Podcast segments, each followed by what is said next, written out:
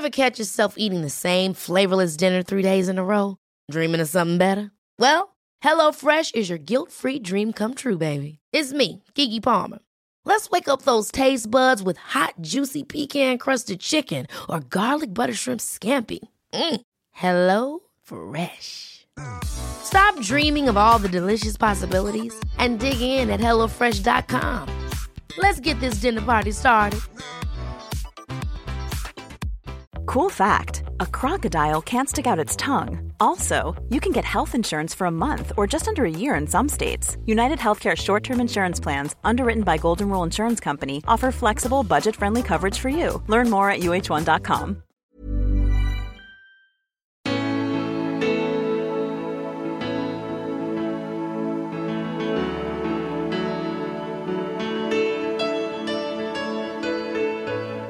De flesta människor, eller i alla fall väldigt många människor, de hittar inte sitt eget vatten på ett helt liv.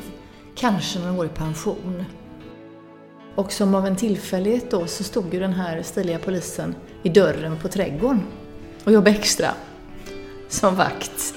Så när de stängde klockan tre på natten så sa han ju Okej tjejer, nu ses vi på Fröken Olssons café. Vi samlar in alla bullarna och så gör vi kaksmulor och så. Men nu kommer vi börja tala om det för alla gästerna. Det är ju en väldigt stor skillnad att det kunde man inte säga då. Men nu är det någonting som är liksom rescue eh, kanelbulle. Inväntar man förändring, ja då blir man försvagad. När du agerar, ja, det är då du manifesterar att du sitter i förarsätet. Göteborgs okrönta kafédrottning Eva Olsson levererar mängder med intressanta insikter och funderingar hur man både hanterar med och motgångar. Hon har konsekvent sagt nej till att delta i poddar och tycker egentligen att hon inte har något speciellt att berätta. Du kommer märka att hon motsäger sig själv rätt ordentligt i det här samtalet som både blev långt och lite extra spännande. Om du hör lite bakgrundsljud ibland så beror det på att vi sitter i hennes fina men lite lyhörda kontor mitt i centrala Göteborg. Hoppas du har överseende med det. För här kommer hon, Eva Olsson. Välkommen till podden Spännande möten. Tack så mycket. Du, hur mår Göteborgs okrönta kafédrottning så här hösten 2019? Jag mår jättebra. Hösten är min tid. Hösten är din tid? Ja. Varför då? Jag är född, jag vet inte om det är att jag är född på hösten, men jag, jag gillar den här känslan av lite, så här, lite ny termin och sommaren är så himla busy med massa olika saker och jag tycker om hösten. Man tar tag i eh, olika projekt och jag tycker det är en... Det är lätt att ha fokus på hösten. Det är lättare att ha fokus. Mm. Vilken är den absolut mest intensiva perioden för, för er? Och det? Alltså vi har, om man säger hösten, höst, vinter och vår, så har vi ganska eh, mycket att göra. Sommaren är för oss ganska ojämn. Är det väldigt varmt, ja då lämnar folk stan. Är det mitt emellanväder, då har vi jättemycket att göra. På vissa av kaféerna där vi har stora uteserveringar har vi alltid mycket att göra när det är sol. Så sommaren är svårare för oss att planera. Hösten och vintern och våren så vet vi mer hur mycket vi har att göra. Mm, det är hyfsat kontinuerligt. kontinuerligt Ja, faktiskt. Du, det här med eh, okrönt eh, kafédrottning, där har ju följt dig ganska länge. Ja. När är det dags att kröna dig? Ja, det tror jag aldrig vi gör, men eh, det var någon som... Det, var, det, det kommer inte från mig, det här med kafédrottning, utan det var någon i media som hittade på det. Ja, ja, och sen har det följt med. Sen har det följt med. Ja. När jag tog kontakt med dig Mm. så nämnde du för mig att eh, du hittills har sagt nej till eh, poddintervjuer. Ja, ja det, det är bara så att jag... Det har liksom inte varit en principsak från min sida, utan det har mer varit att... Eh, om jag skulle säga ja till allt, till alla olika tillställningar blir tillfrågad så hinner inte jag det helt enkelt. Jag... Då blir jag lite Ja. nyfiken på varför sa jag varför Ja, jag fick ja. precis. Nej, men eh, eh, det var ju också så att eh, det var ju en, en god vän till dig och mig som frågade, Peter Martin. Mm. Och han ri- ringde ju också mig innan och frågade om jag kunde tänka mig att träffa dig. Så träffades ju vi i somras Det stämmer. över en caesarsallad. Jajamän. Och då kände jag att du är sympatisk person, så därför sa jag ja.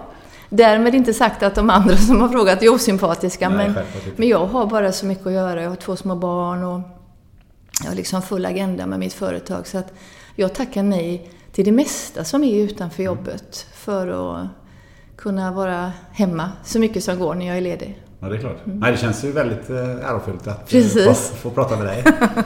en annan sak att eh, jag tänkte på det, ditt moderbolag i, eh, i din koncern, det heter ju What can I do for you? Vad, vad innebär de orden för dig?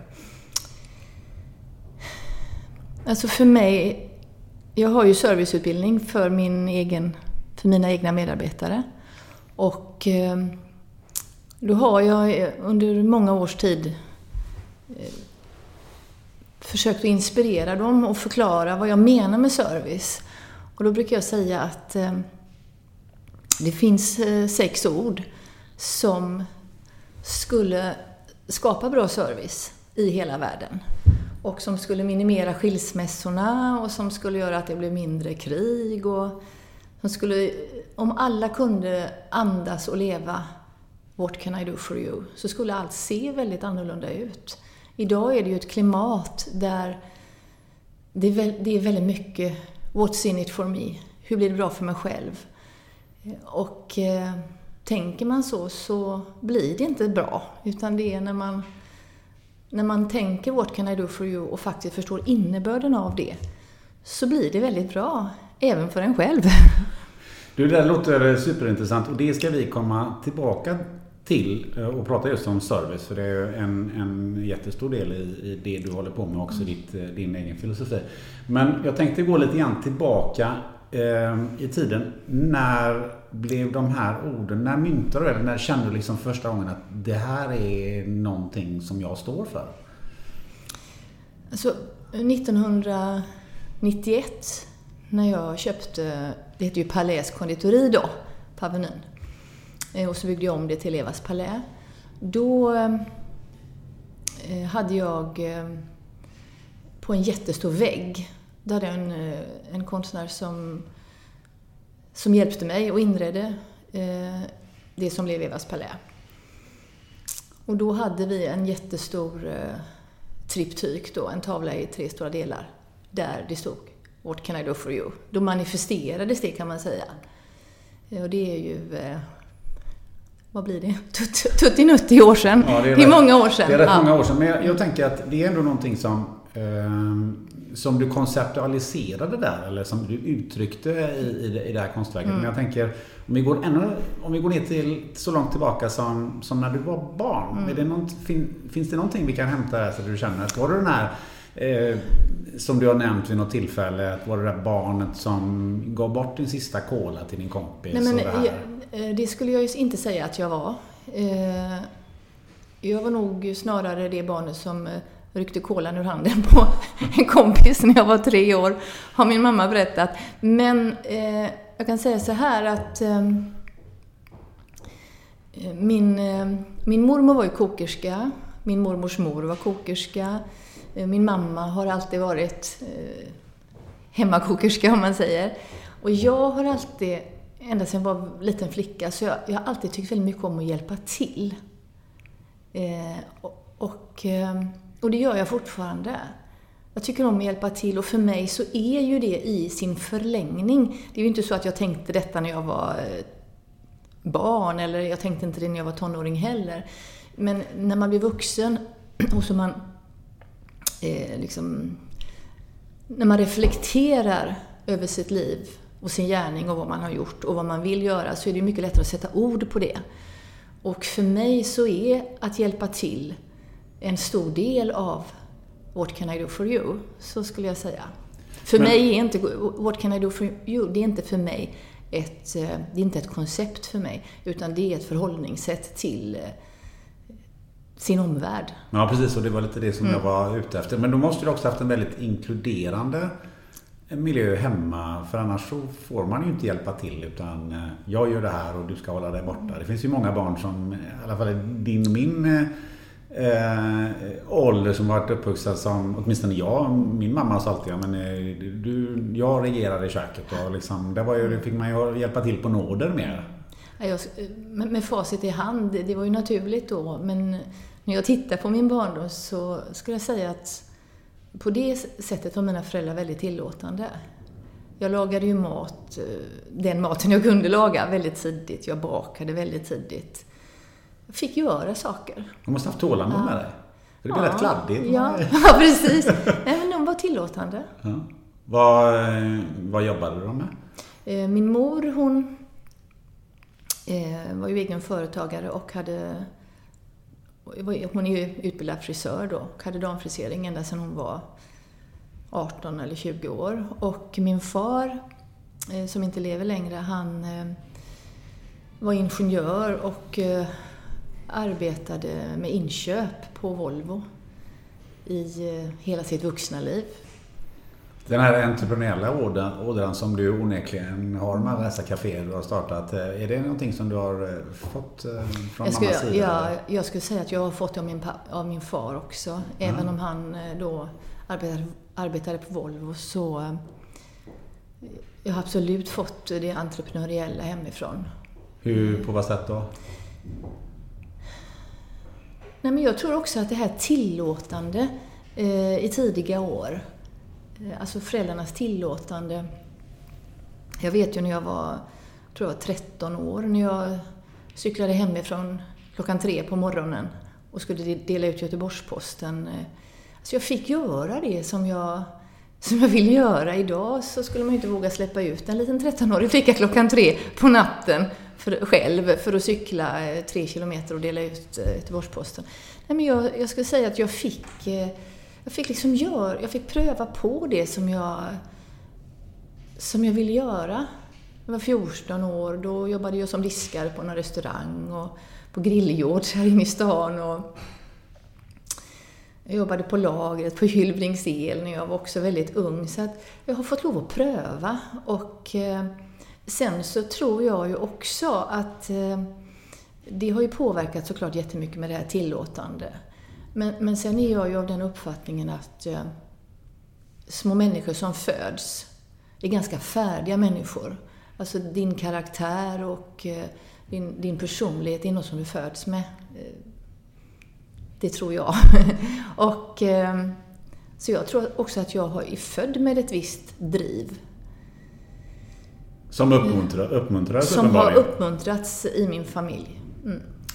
Eh, var det också att um, tjäna egna pengar tidigt? Var, ja, det tyckte jag var jättespännande. Var lite mer oberoende, mm. kunna ja, men jag, har, saker. jag har alltid tyckt eh, som barn att eh, det var kul och, eh, att tjäna lite pengar och få köpa sina egna saker. Och, men det tror jag egentligen att, liksom, det tror jag att alla, alla barn har i sig. Det är spännande att få känna sig lite, lite större och lite vuxnare och få, och få spara till någonting.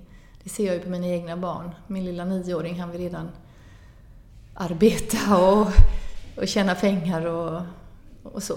Och spara sina saker. Så det tror jag eh, man ofta har med sig som barn, men det är klart att när det blir uppmuntrat och det finns en tillåtelse då till att göra saker så kan det ju blomma ut på ett annat sätt. Jag vet, jag sålde jultidningar väldigt tidigt och så.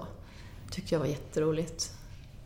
Men om du tänker på barn av idag och, och den uppfostran man får. Eh, hur ser du på det? Är det, är det borde man uppmuntra det här entreprenöriella lite mer? Alltså jag tycker, eh, om man säger vad det gäller, eh, vad det gäller barn, så tycker jag att den stora utmaningen som förälder, det är just att, eh, att uppmuntra dem att gå sin egen väg. Att eh, låta dem pröva, testa, och vill man inte så är det inget misslyckande. Och samtidigt ska man då som förälder känna in eh, vi ska inte bara bejaka minsta motstånd, ibland ska man pusha. Men, men överhuvudtaget så tycker jag det är viktigt att de flesta människor, eller i alla fall väldigt många människor, de hittar inte sitt eget vatten på ett helt liv. Kanske när de går i pension. Man Hitta är, sitt eget vatten, det tycker jag var mm, eh, Där man är som fisken, ja. i sitt eget vatten. Ja, men just det här att det är många människor som utbildar sig till ett yrke som är någon slags eh, social förväntning eller vad man tror är en social förväntning. Och så börjar man utbilda sig och så känner man efter halva utbildningen att ja, det var inte riktigt vad jag, vad jag kände för men nu har jag ju nu har jag ju hållit på att läsa här i tre år så nu får, får jag ju fortsätta. Eh, när jag har investerat så mycket tid och pengar. Och så börjar man då jobba med någonting som man är utbildad för och eh, så kanske man, eh, vi säger om man till exempel eh, utbildar sig till tandläkare. Och så var det inte riktigt din grej, men du ändå fortsätter, du gör din utbildning, du arbetar ett helt liv med någonting som du tycker är kanske inte jättetråkigt, det kanske är okej. Okay. Det är good, men inte great. Och eh, ja, sen går du i pension när du är 65. Och då har du liksom målat, du säger att du har målat i smyg i hela ditt liv för, för liksom husbehov, eller vad man ska säga. Och sen så känner du nu 65 att Gud, nu ska jag börja måla. Fast egentligen så var det konstnär som du ville bli. Och så tror jag det är för många människor. Och det är ju... Eh, eh, det är en stor smäll för många som går i pension. Att de inte vågade bryta familjens mönster eller att de inte kanske ens kom på. Jag sitter ju ofta i samtal Eh, med mina medarbetare. Jag kanske har någon som har arbetat i två år och så,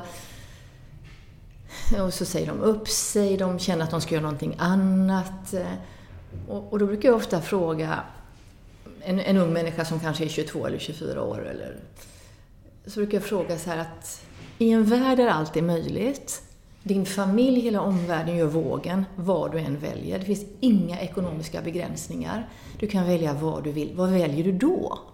Vad brukar jag få till svar då? Vet inte. Mm. Och så är det för många människor. Man vet inte. Det är inte så himla lätt alltid att hitta sitt vatten. Det är inte så lätt alltid att, att liksom ha den eh, eh rullgardinen uppe ta bort alla spärrarna och bara känna efter vad skulle jag vilja. Eh, det kan ju vara att man känner, nej men det enda jag vill nu det är jag är 23 år, jag vet inte vad jag vill jobba med. Jag bara känner att jag skulle vilja resa ett år i Asien runt. Och då säger jag ju, gör det då. För det är liksom ur den handlingen att man gör precis det man känner. För man vet inte ens hur den ska gå ihop, den resan, eh, ekonomiskt. Men det är liksom ur det eh, att följa det flödet, det är då man kommer på vad man What's meant to be. Men det är väl också så att man eh, ganska lätt när man har varit yrkesverksam en stund i någonting som man egentligen kanske inte vill göra. Mm. Så hamnar man också i en, en ganska vad ska jag säga, instängande ekonomisk situation. Alltså ja. du har skaffat hus och du kanske har barn och du kanske Alltså du har liksom fasta kostnader. Mm. Så du kan liksom inte bara säga så här att nu skiter jag i det här, nu går jag och funderar vad ska jag göra och så gör jag något helt annat som jag kanske inte alls har de här inkomsterna. Det, och det handlar ju både om egentligen att, att, att göra det man, de kostnader, betala de kostnader man har skaffat sig och kanske också släppa på statusen som man har skaffat sig. Mm, ja, där tror jag du har helt rätt för att eh, för många människor är det svåraste är det att släppa på statusen. Att inte ha den där bilen? Eller inte den ha den där bilen eller tänka så här, okej, okay, men eh, mm, nu får vi tagga ner lite här eh, ett tag. Eh, men jag tror att det svåraste för de flesta människor, det är att komma på eh, vad, vad egentligen, eh, vad vill jag? Jag vet, eh, jag har eh, no, liksom några minnen typ tio år bakåt, där jag har haft just eh, medarbetare som vet en som började utbilda sig till tandtekniker, en annan som började utbilda sig till tandläkare. Och som bara efter en termin då backade ur. Och då kommer jag så väl ihåg när vi liksom hade samtal och jag sa liksom Bra! Bra jobbat! Bra att du kände efter! Och jag hade en som gick eh, också till tandläkarutbildningen i ett och ett halvt år som då slutade. Och jag tycker det är så bra när man liksom som ung människa, innan man har skaffat sig eh, huset och familjen och allting, att man faktiskt eh, väljer att känna efter. Men hur hittade du ditt vatten? Men jag tror att jag har... Ehm, eh, som jag berättade förut så jag har liksom alltid tyckt om att hjälpa till. Och ehm, eh, när jag var 17 år så eh, hoppade jag av gymnasiet. Jag var så extremt skoltrött. Så det, var, det, gick, det gick inte liksom med bästa vilja i världen att motivera mig. Och då fick jag möjligheten att ehm, eh, arbeta som barnflicka Eh, i Askim i ett halvår. Det var från början bestämt att det skulle bara vara sex månader jag skulle ha hand om en pojke. Han skulle börja skolan sen. Och eh, och samtidigt då som jag eh, började med detta så fick, så eh, eh Ja, först så åkte jag ut varje morgon här och tog hand om den här pojken och eh, när jag hade jobbat i två veckor så då hade jag utökat verksamheten där i Askim. Så då hade jag hand om fyra familjers eh, barn då, sex pojkar. Utökad verksamhet? Ja, då hade jag utökat barnflickeverksamheten. Mm. Jaha, hur löste du det? Nej, men jag pratade med grannar och det var någon som kände någon. Och, ja, så jag hade hand om eh, halva, halva kvarteret där som barnflicka hade sex pojkar. Och eh, så lagade jag mat till dem. Och eh, Eh, Eh, en av papporna där i familjen, han började komma hem på luncherna för han tyckte det var så god mat. Och ehm, då började jag ju umgås med den här tanken att, eh, att jag ville liksom... Det är inte bara hemma som jag lagar mat utan man gillar min mat. Eh, och då fick jag veta att det fanns en kockutbildning på Park Avenue Hotel här i Göteborg. Där man kunde gå in som kockelev då i två år med mini-minilön. Eh, så då sökte jag, medan jag jobbade som barnflicka, så sökte jag till Park. Och så fick jag då till svar att vi har precis slutat med den här utbildningen. Men då fortsatte jag att ringa eh, och terrorisera den här personalchefen där på Park. Och jag, jag var ju så beredd att jobba gratis, för jag bara kände det här är min grej, jag vill bli kock. Så gick det här halvåret, då som var förutbestämt, och jag slutade som barnflicka. Det var sommar. Och eh, de sa fortfarande nej när jag ringde till Park. Och så blev det augusti och så tänkte jag så här, nu, nu ringer jag en sista gång till Park Avenue Hotel och eh, säger de då nej, då måste vi hitta på något annat. Mm, så ringde jag till han personalchefen. Sven-Åke hette han. Och eh, så sa han, ja men du vi har pratat om dig här och vi har faktiskt bestämt att du får börja. Och jag blev ju så himla glad. Så jag fick ju börja på Park. De hade en köksmästare som hette Allan Hult. Så jag blev ju Allans sista elev då, innan han gick i pension. Och då började jag på Park och jag kommer ihåg att jag var väldigt blyg. Jag var 17 år. Eh, och jag kommer ihåg då när jag stod utanför Park första gången och skulle in. Alltså jag skulle säga blyg är liksom bara förnamnet. Jag var skräckslagen. Jag tänkte så här, det jobbar 400 människor där inne, jag känner ingen.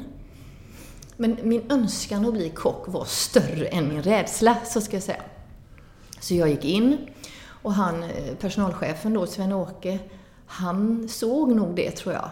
För han satte mig i kondis då. De hade som ett restaurangkonditori där det jobbade typ fyra konditorer. Så jag fick ju börja där i tre månader. Och eh, det var ju fantastiskt roligt.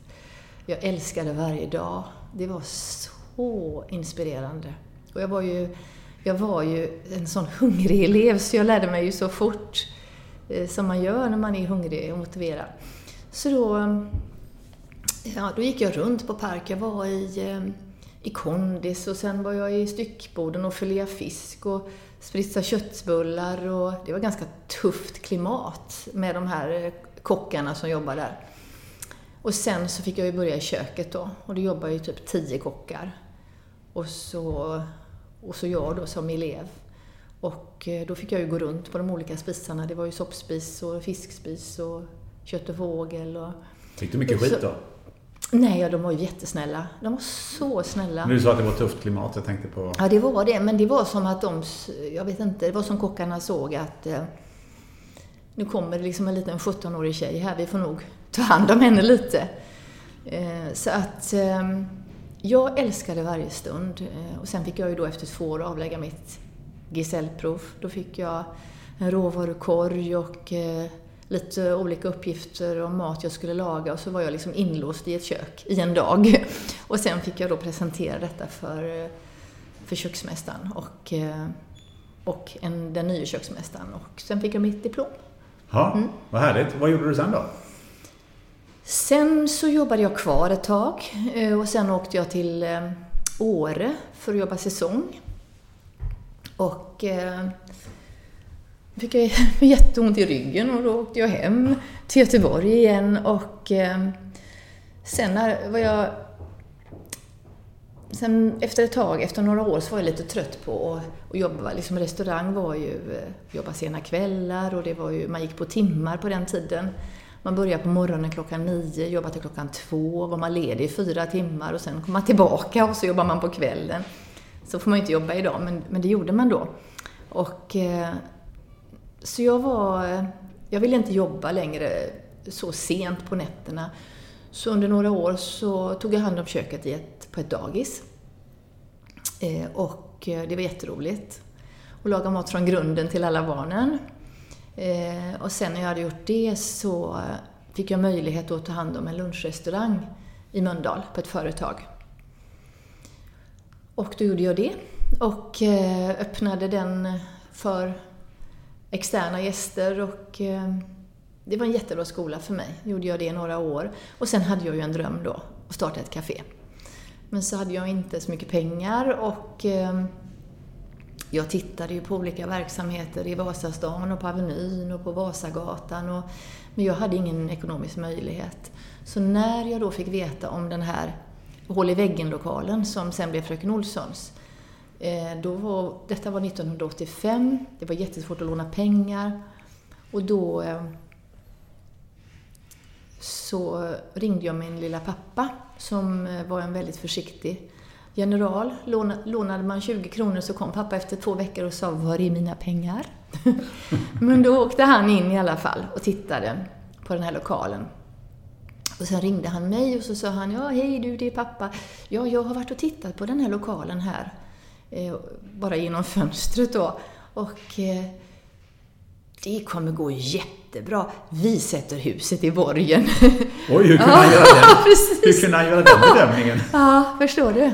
Och då är det ju, alltså, och för mig kan jag säga så här, det var ju värt så mycket mer än om han hade sagt att här får du eh, en miljon. Det var ju värt så mycket att han trodde så på mig var inget, det var liksom inget snack. Det här kommer gå jättebra. På den tiden var ju detta en bakgata, ska man ju veta. Ja, det var, det var en bakgata. Detta är Östra Landgatan? Mm, 1985. Så att... Ehm, ja, de gick i borgen med huset och jag fick låna 400 000 kronor. Det var och, rätt mycket pengar på den tiden. Det var mycket på den tiden. Mm. Och då öppnade jag Fröken Olssons Café med en anställd. Så du fick dina 400 000 och så satte du igång. Vad, vad gjorde du då? Vad var konceptet med alltså jag Fröken säga, Olsson? Jag ska säga så här att konceptet var ju att jag inget koncept hade. Alltså jag liksom... Jag, um, jag umgicks inte på den tiden med att tänka liksom koncept. Jag vet att eh, eh dagen innan jag öppnade Fröken Olssons Café, då hade jag en invigningsfest för 60 personer. Och det var ju eh, mina föräldrar, min bror, det var eh, liksom fastrar och grannar och människor som våra närmsta kan man säga. Och mammas väninnor och sådär. Eh, och då var det 60 personer och då eh, var det här kvällen innan vi skulle öppna. Och jag hade liksom inte varit nervös att jag skulle öppna café. Och det förstår jag ju efteråt att det var ju bara för att jag lyckades att stänga den dörren i mig själv. Eh, att eh, frossa i nervositet som aldrig ger någonting ändå. Men då, blev jag, då började jag bli nervös den kvällen. Då kände jag så här.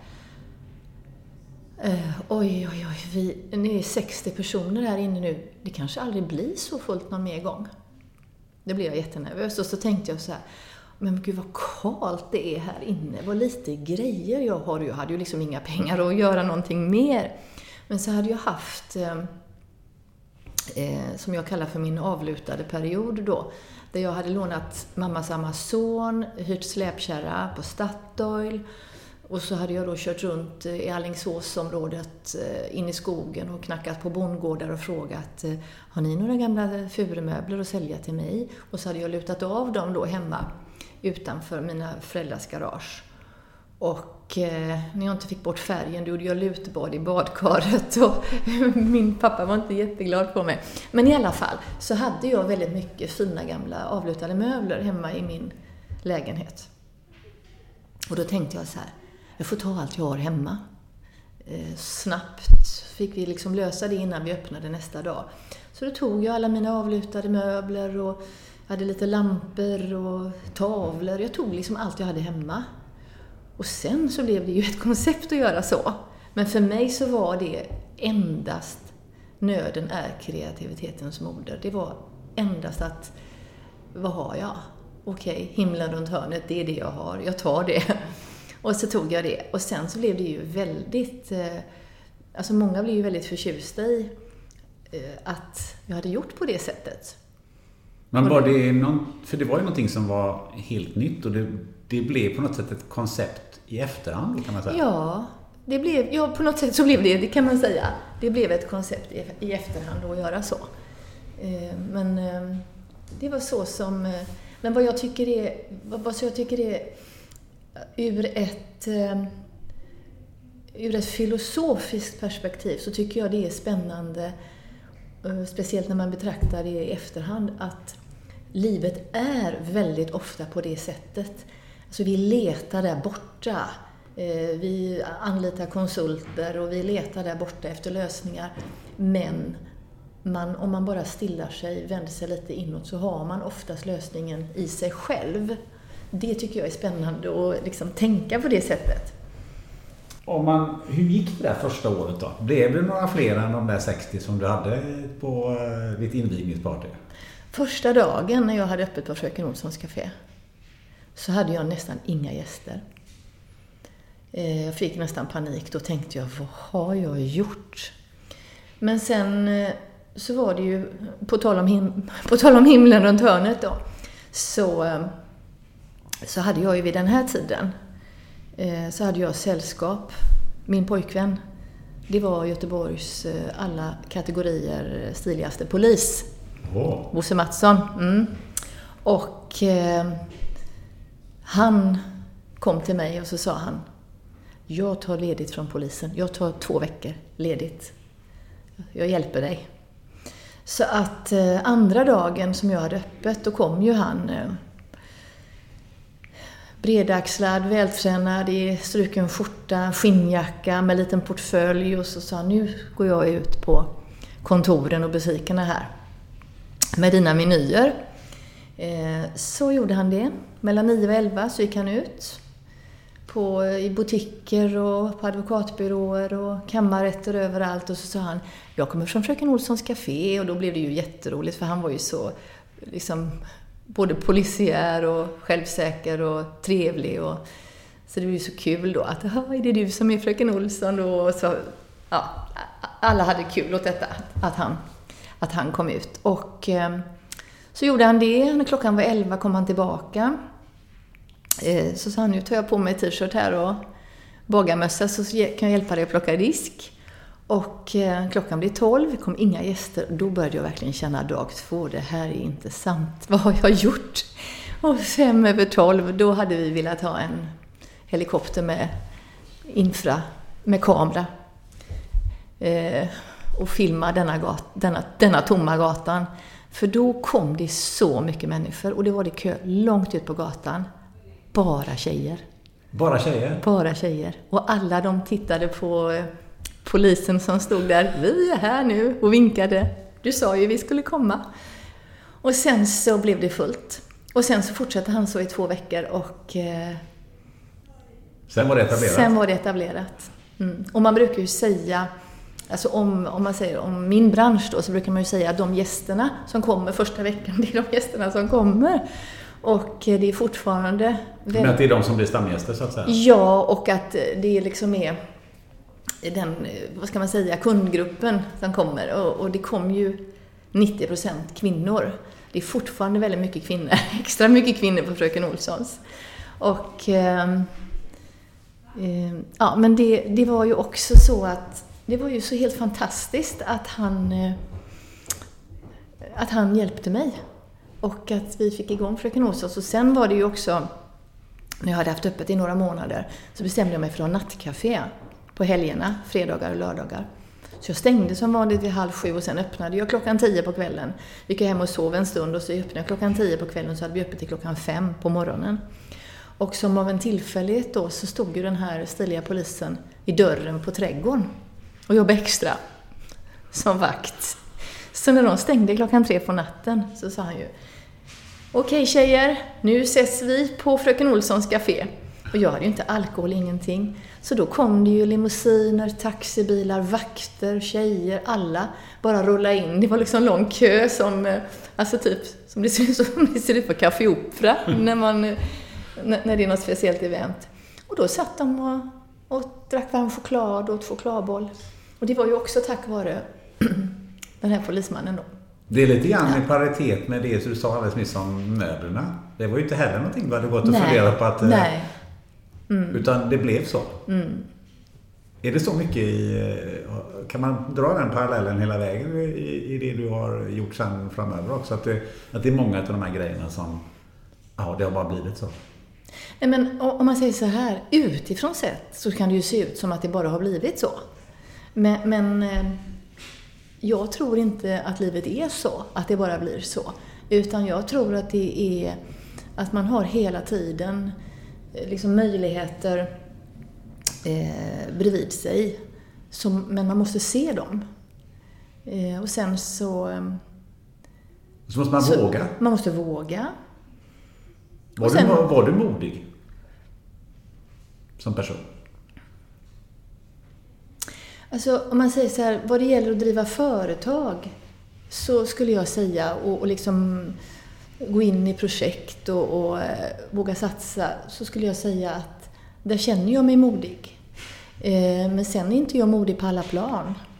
Jag är ju en person som... Eh, jag skulle inte våga åka jorden runt eh, utan eh, min man och mina barn. Om du förstår. Så att det är inte så. Sen har jag inte alltid varit modig, men jag vet till exempel när jag skulle köpa Palais. Då, det var innan jag träffade min man. Då vet jag, då satt jag hemma den morgonen som jag skulle skriva då tillsammans med min advokat. Och så kände jag så här, jag vill köpa Palais, jag vågar inte köpa Palais. Jag vill, jag vågar inte.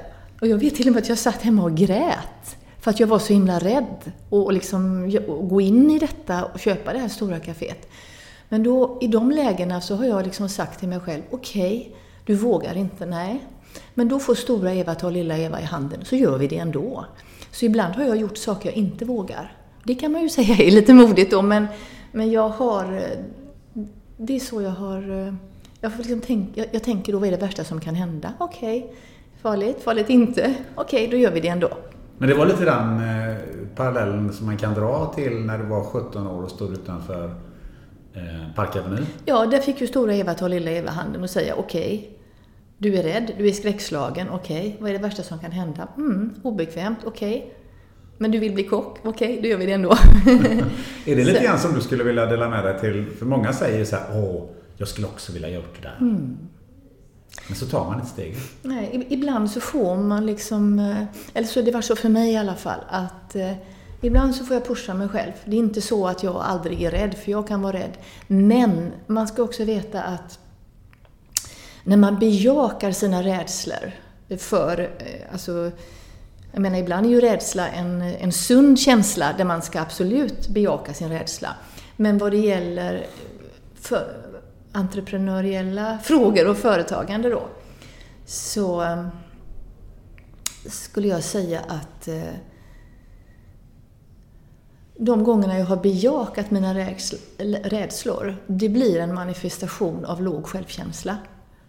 Men när jag går emot, även om jag går emot och så eh, blir det inte lyckat. Men det är i alla fall så att det är jag tycker det är bättre att försöka när man vill. Om man är rädd men man vill, då, då skulle jag säga att eh, för mig så är det jag tycker mer om att försöka. Att försöka. Och det har stärkt din självkänsla också? Det har stärkt min självkänsla och mitt självförtroende.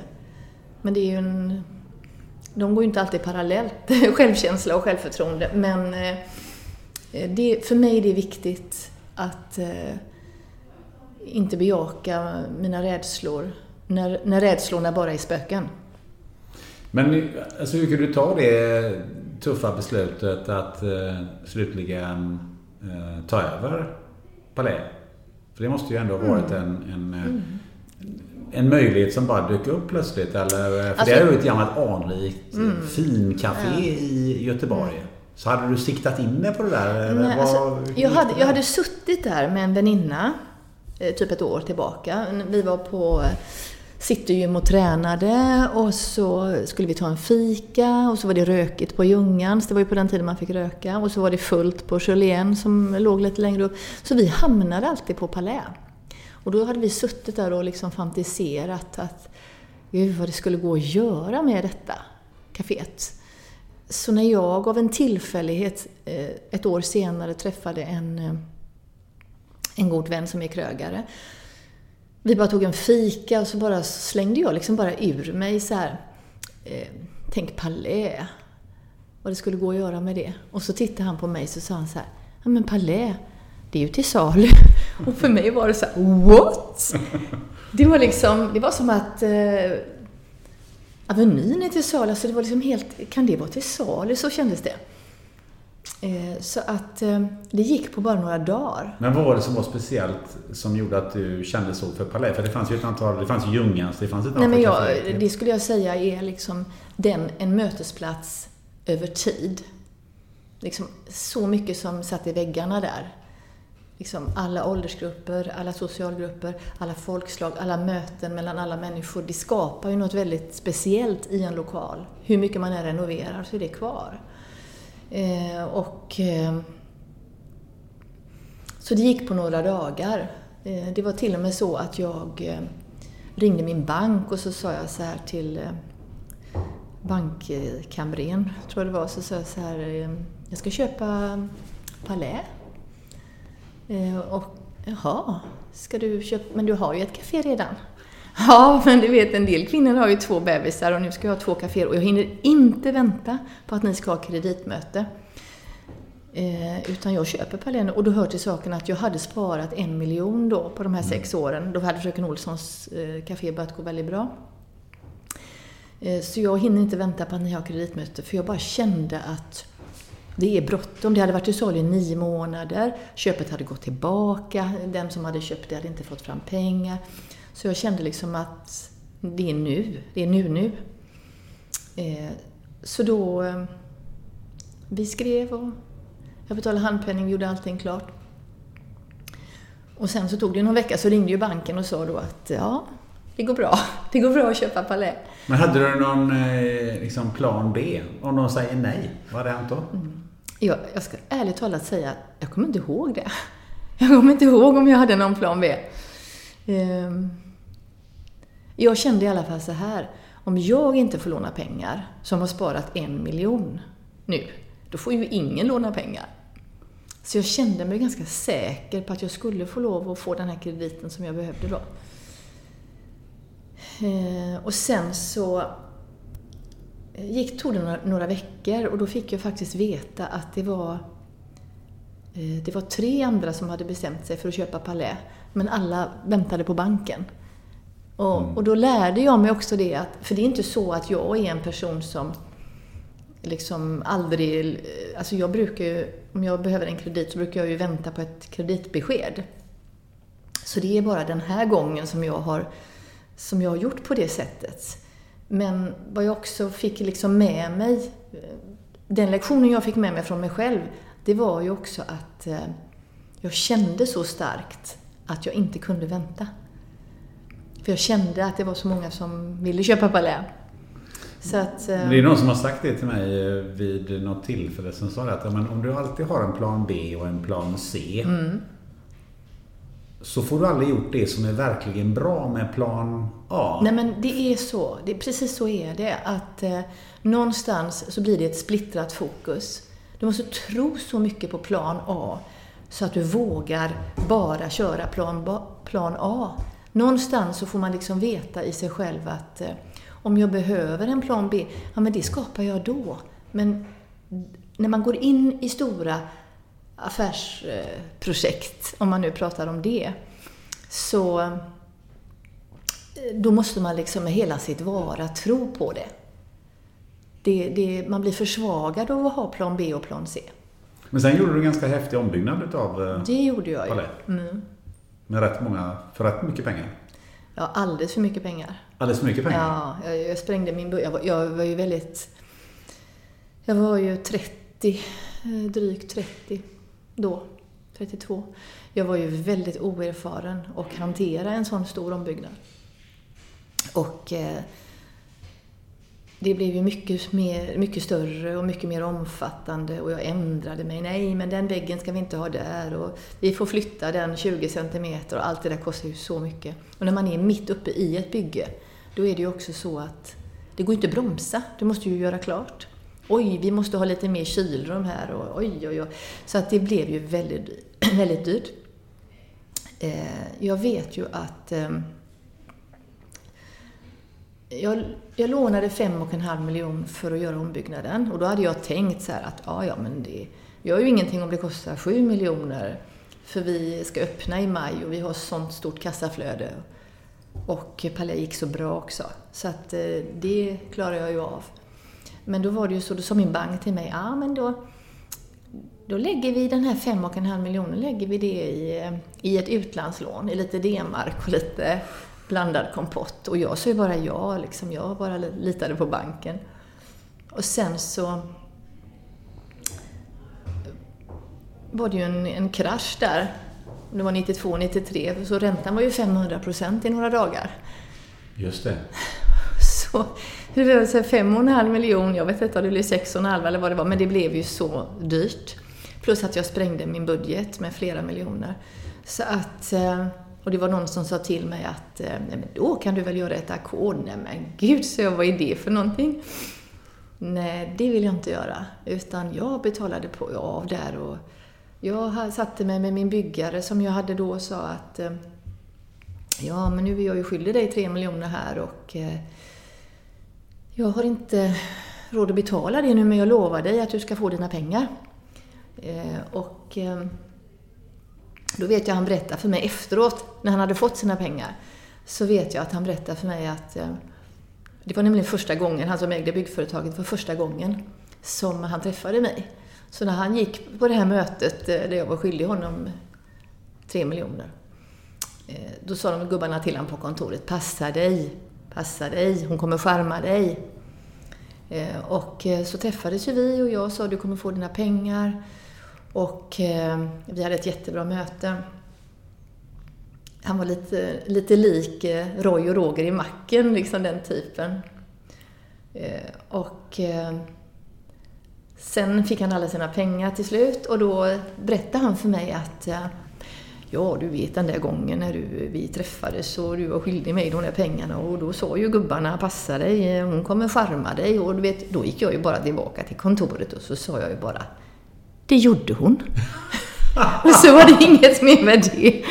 Ja, så att eh, alla som fanns runt mig trodde på mig och eh, jag eh, betalade av ränta och ränta på ränta och ränta på ränta på ränta. Och eh, sen så var, detta var ju då 92, 93. Sen 1995, då var jag helt skuldfri. Då hade jag betalat av allting till banken och min ombyggnad var ju betald för länge sedan. Och eh, då, eh, ja, då jobbade jag på i några år. Ja. För sen mm. så eh, fick du för dig att nu ska jag starta en kedja. Mm. Var kom den tanken ifrån? För du hade ju två stycken väldigt välmående kaféer ja. vid, det, vid, det, vid den tidpunkten och det utvecklades ju på ett fantastiskt sätt. Mm. Men det är också så att där, där kommer liksom entreprenören i mig in då. där, där växandet är, och skapandet framförallt då. Eh, jag, så jag hade gått i flera år eh, och eh, med en dröm att starta en kedja. Och jag hade liksom olika idéer och hur det skulle se ut och jag hade liksom ett, ett bibliotek i mitt eget huvud med, med tankarna om en kedja. Och sen fick jag ju då möjlighet att ta över eh, eller rättare sagt köpa då det som var Handelsbanken på Avenyn och som blev det för, mitt första Condeco då. Så ehm, då gjorde jag all in med alla besparingar jag hade och ehm, eh, öppnade mitt första Condeco. Och sen så, så sa jag ju då att eh, när vi hade haft öppet i tio dagar så sa jag till mig själv och till min man då att nu vill inte jag vänta och utvärdera här utan det känns så himla bra så nu, nu kör vi.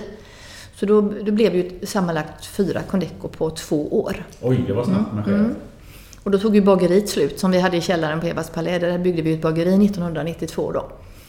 Och då klarade ju inte det av att försörja alla eh, kaféerna längre så då fick vi ju fokusera på det och bygga ett större bageri. Och, och sen så eh, blev det ju för mig själv en väldigt stor verksamhet. Eh, från att ha haft två kaféer och ha ett ben i varje till att ha sex kaféer.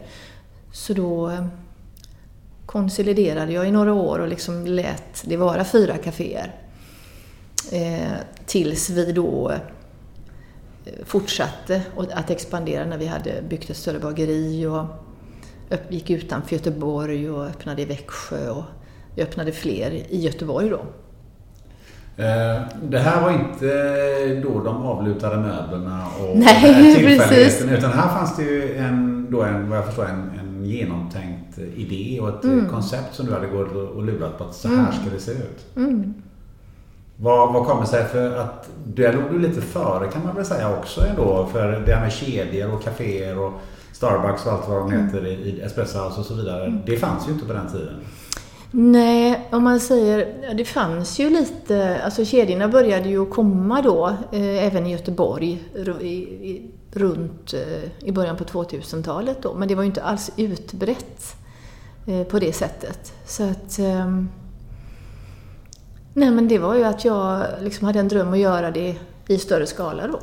Och, eh, och samtidigt så tyckte jag det var viktigt att varje Condeco blev ett nytt Condeco då för gästen. Att det inte skulle kännas som att man hade bara liksom eh, kopierat sig själv utan att det skulle kännas att ah, men så har de gjort här. Oj, har de på sådana här möbler här? Så att man gjorde att, att varje Condeco blev ett nytt Condeco. Men vad var själva den sammanhållande idén med Condeco? Nej men det var ju att Eh, Eh, liksom vara i sin samtid och skapa någonting som... Eh, alltså det är ju så här att när man gör någonting, när man, när man tar fram ett koncept, så är det ju egentligen att man gör en presentation till eh, publiken, till människorna där ute. Om det är ett lyckat koncept eller inte, det är inte man själv som bestämmer det. Man kan bara göra sitt allra, allra, allra bästa. Sen är detta en dialog med gästen. Hur, möt, hur bemöts detta? Vill de ha det på ett annat sätt som rör sig inom för ramarna vad vi kan tänka oss att göra? Jag fick ju mycket eh, kritik i början när jag startade Condeco. Att vi till exempel inte hade skinka på smörgåsarna. För jag hade tagit ett beslut då att eh, jag vill, vi ska inte ha rött kött på eh, på Condeco. Eh, och jag är själv då vegetarian sedan 25 år, så att det var för mig viktigt. Men där kände jag ju att där, får jag stå på mig. Medan andra saker som gästerna önskar, där är jag ju väldigt villig att eh, du vet om många gäster frågar efter ett speciellt bakverk eller någonting annat. Det är ju, det är ju fantastiskt att kunna plisa och, och liksom göra det som efterfrågas. Så att, eh, men, men min tanke var ju att göra någonting hela vägen med eh, liksom all vår inredning. Vi, vi tillverkade ju i princip alla möbler själva med några få undantag. Vi tillverkar all våra belysning. Tillverkar det själva? Ja, inte Spotlight då, men om man säger alla lampor, armaturer tillverkade vi ju egna på ett konsthantverk. Och det tyckte jag var väldigt... eh, Det var väldigt meningsfullt att göra någonting hela vägen. Väldigt roligt. Du, eh, sen rullade det ju på och nu har du släppt in en annan kedja här på Göteborg, Göteborgsplan genom att avbryta en del av dina Condeco-caféer. Um, och då reflekterar man ju lite vad, vad kommer det sig? Eh, dels att du släppte in då Johan och Nyström för det var ju de som, som tog över eh, de här lokalerna. Eh, och dels ehm, hur, hur ser du på Condeco idag jämfört med när du drog igång? Men när- när jag betraktar Condeco idag så... Eh, då, jag var ju väldigt fokuserad på tillväxt och expansion. idag är jag lite mer restriktiv skulle jag säga. Eh, det viktigaste för mig, det är inte att vara störst. Eh, utan det är att göra så bra vi kan. Eh, och... Väldigt mycket... Alltså det som... Min erfarenhet av när vi hade som flest kaféer då, 14, det är ju att eh, det är en ständig utmaning med att hålla sin kvalitet när man blir större. Eh, det är det som är den stora utmaningen och eh, för mig är det viktigt. Jag är själv kock i botten, jag brinner för det här med, med matlagningen, med bakverken. Vi har ett eget bageri där vi kan liksom äga hela processen. Och eh, för mig är det jätteviktigt och ehm, det är viktigare än storleken på företaget. Sen öppnar jag gärna fler Condeco. Det är inte alls, det är inte alls, ehm, eh, det är inte så att jag är emot det. Men ehm, det är i alla fall en, en lärdom för mig att tillväxt, eh, det följer väldigt mycket utmaningar med tillväxten. Så man måste hantera. Ja, det är klart. Eh, Men reflektionen blir ju också lite att eh, det finns ju många fler aktörer idag. Johan och Nyström fanns ju överhuvudtaget inte, då det är ganska nytt, relativt nytt. Eh, Och den konkurrensen har ju, har ju ökat.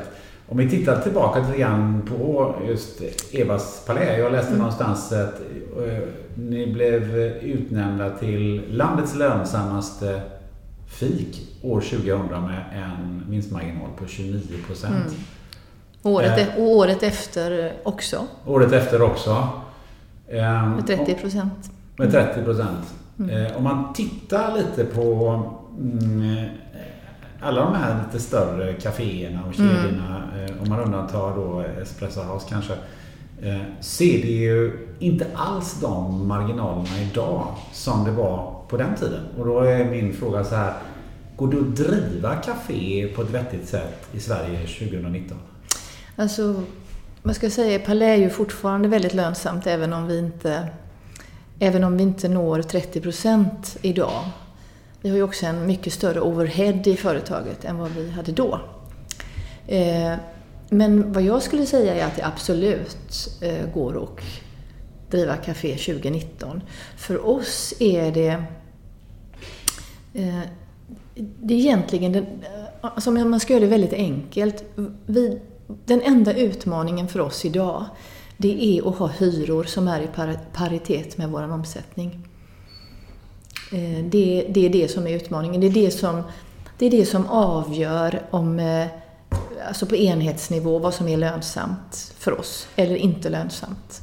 För om man tittar lite på, jag roade mig faktiskt med det på Johan och Nyström. Mm.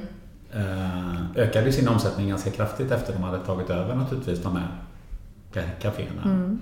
Men de har ju definitivt inte ökat sin lönsamhet. Nej.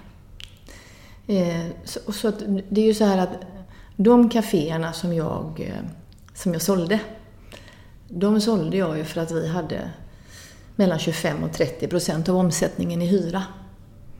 Eh, och det är en omöjlig ekvation. Det blir förluster av det, stora förluster. Så att eh, om vi hade haft 10 eh, av omsättningen i hyra, då hade jag aldrig sålt dem. Så enkelt. Eh, så att... Eh, Men varför har vi haft den här typen av hyresutveckling? För det är ju en utmaning inte bara för kaféer utan även för andra butiker ja, och ja. Ja, men överhuvudtaget gatulägen. Jo men det har ju varit en högkonjunktur och det har varit möjligt och, och sätta de hyrorna och nu går vi in i en annan tid där hyrorna kommer att gå ner. Eh, det är egentligen eh, väldigt enkelt. Men, eh, men i, i förlängningen, om man tittar lite framåt då, är det är de här jättarna som Espresso House och, och Starbucks och, och, så vidare. Eh, är det de som blir de verkliga vinnarna i slutändan? För att genom sin stordrift? Eller hur funkar kafémarknaden? Alltså jag tror ju att eh, jag tror det kommer att komma ännu fler kaféer och restauranger för att nu, nu kommer ju hyrorna att gå ner. Eh, och eh, eftersom det finns eh, en hel del eh, lediga lokaler och kommer komma ännu mer lediga lokaler. Och eh, jag tror att ehm, människor liksom i allmänhet efterfrågar det mer det unika, speciella. Så jag, jag hoppas och tror att också enskilda entreprenörer kommer att kunna ta plats eh, i den tid som kommer. Om vi tittar tillbaka till 1985 var det du startade mm. eh, Fröken Olsson. Fröken Olsson. Mm. Om det så att säga skulle stå idag 2019 inför det här att öppna ditt första café. Mm. Hade du gjort på samma sätt eller finns det någonting som eh, ser helt annorlunda ut? Det som är, det, det som är lustigt kan man säga Eh, det, när man betraktar, vi pratade faktiskt om detta eh, på jobbet i förra veckan, det är att när jag startade Fröken Olssons Café, då började jag servera eh, soppa. Och eh, min lilla mamma hon plockade trattkantareller så jag kunde laga inför en lunch så kunde jag laga 50 liter eh, kantarellsoppa på hösten. Och vi sålde den. Det var 100 personer som åt kantarellsoppa på Fröken Olssons. Och eh, vi sålde jättemycket sallad. Eh, idag så har vi på alla kaféerna så har vi en soppbuffé på lunchen. Och det är fortfarande det som vi säljer mest av. Det tycker jag är, det tycker jag är spännande att betrakta att på alla dessa åren så är det, vad är det man vill ha? Ja, då var det sallad och soppa. Och nu är det sallad och soppa. Vilka bakverk är det som vi säljer mest av? Då var det äpplekaka. Det var kladdkaka. Nu har vi både kladdkaka och brownie då. Hallonpaj, ja, med vaniljsås. Chokladboll, ja jättestort. Så att det tycker jag är också spännande att se att samtidigt som mycket där ute har ändrat sig så är det fortfarande det som var stort då som är stort nu. Så det är som människors sådär grundkonsumtion förändras inte? Inte så mycket, nej. Det är ganska spännande. Mm, det tycker jag är jättespännande. Men finns det någonting som du skulle säga att ja men idag måste jag göra så här för så funkar det idag. Jag kan inte göra så som jag gjorde när jag startade Fröken Olsson. Finns det någon sån här väsentlig skillnad? Eh, en väsentlig skillnad det är ju när, eh, när jag startade Fröken Olssons så hade vi en väldigt populär äpplekaka. Eh, då gjorde jag så att eh, eftersom jag aldrig vill servera gårdagens bulle så eh, alla bullar som var över på kvällen, de la jag i frysen. Och en dag i veckan så tog jag fram alla bullarna, så gjorde jag bullsmulor av dem. Och så blandade jag det då med sirap och socker och smör och så gjorde jag en jättegod äppelkaka. Men då kände jag mig lite olydig. Alltså jag kände mig lite som jag gjorde liksom det man inte fick göra. Samtidigt som jag själv tyckte inte det var något fel. Eh, idag har vi tagit upp den eh, äppelkakan igen då på Condeco.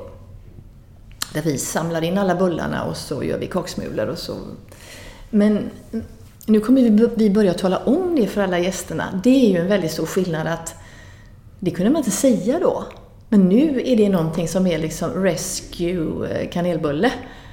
Det tycker jag är häftigt. Det är en sån, en så ny, en sån annan tid. Ur ett hållbarhetsperspektiv då. Ja, nu kan du ha det som ett argument. Idag är det ett argument. Vi tar hand om våra kanelbullar. Vi slänger inte dem. Vi gör kaksmulor på dem och så bakar vi en äpplepaj på dem. Det tycker jag är lite, lite roligt. Men om du kollar in lite så här i, i um, kristallkulan. Hur ser den här kafémarknaden ut? För att, förutom att eh, människor fortsättningsvis även kommer att köpa äppelkaka och brownies och chokladbollar precis som de har gjort i, i, i 30 år. Um, men um, hur, hur, ser, hur ser marknaden ut? Vad tror du kommer att ha förändrats inom 10-15 år? Vad kommer skillnaden vara? Alltså jag brukar säga att jag värnar ju om kaféet som mötesplats och har alltid gjort. Och det tror jag kommer öka. Jag ser, alltså, så, så, som, eh, så som samhället är idag, det är mera compact living, man bor i man bor i mindre lägenheter, man bor gärna centralt men man bor mindre, det är mycket ensamhushåll. Och jag tror väldigt mycket på kaféerna, inte bara mina kaféer, utan kaféerna som mötesplats. Jag ser ju idag en väldig skillnad om man jämför eh, för tio år sedan bara.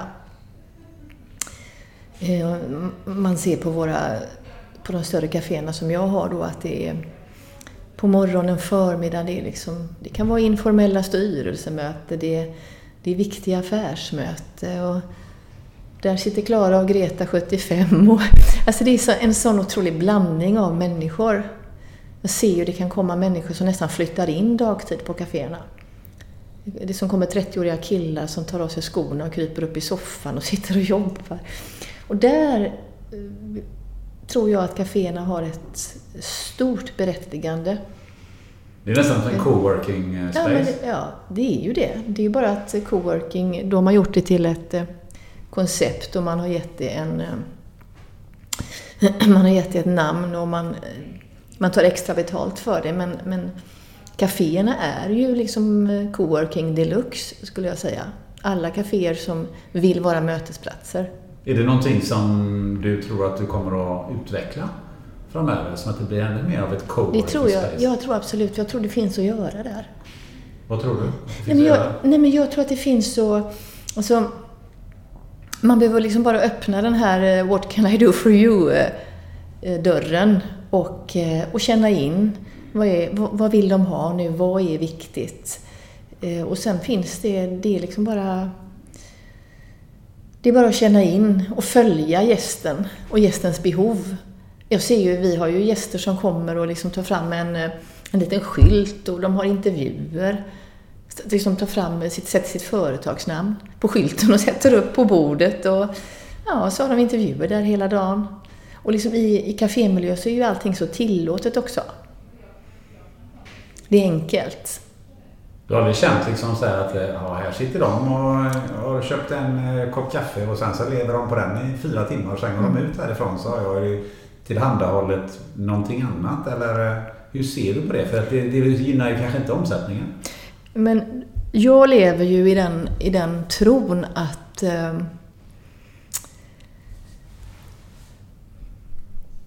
Keep them happy. Det är liksom det det går ut på. Och känner man som gäst där jag var på Condeco, vi satt med ett grupparbete i fyra timmar. Vi köpte kaffe och de var lika gulliga när vi efter fyra timmar ville fylla på våran påtår. Då känner jag ju att när jag känner så på riktigt, det känner ju gästen. Och då är jag ju också helt övertygad om att den gästen går förbi sex kaféer nästa gång den ska grupparbeta. För, för mig så är detta relationen med gästen, att inte villkora, utan att eh, keep them happy. Så jag oroar mig aldrig för sådana saker. Det är ungefär som om det kommer en, eh, vi säger att eh, om en gäst, eh, det kommer en missnöjd gäst, då spekulerar jag ju aldrig att, eh, nej men gud, det var ju någon, eh, ja det är ju en amerikan ska vi verkligen, han kommer ju aldrig tillbaka, vi vill inte kompensera honom så mycket, så, så kan inte jag tänka. Utan för mig så är det gästen. Gästen, gästen och hellre over deliver. Jag vill ju att en missnöjd gäst ska vara, när den går från oss, då ska den vara nöjdare än om den var supernöjd från början. Och det är mitt uppdrag till alla mina medarbetare. De får göra vad de vill. För att det tycker jag är så viktigt. Och det är liksom viktigt, eh, vad ska man säga, beyond business. Alltså det, det, det är liksom hela våran eh, eh, filosofi och företagskultur, allting. Jag vill, att, jag vill att alla blir nöjda. Det är mitt, eh, mitt, eh, min vision om jag säger så. Mm. Mm. Nu har vi reflekterat lite grann om äh, olika delar i din, dina kaféer och vad som finns och vad som inte finns och lite grann hur, hur det ser ut i framtiden. Men om vi tittar tillbaka nu, eh, dina drygt 30 år som du har hållit på den här mm. branschen. Mm. Vad, vad, känner du personligen har varit det, det absolut tuffaste och svåraste att hantera?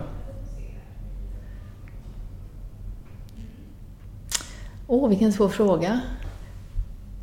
Kanske inte varit oss. Nej, men jag skulle säga så här att eh, om jag tar, eh, om jag tar a, allt positivt och negativt som har hänt under de här åren, alla utmaningar och allting, och så lägger jag alla de orden i en stor tratt. Då kommer det ut ett ord ur den tratten. Och det är meningsfullt.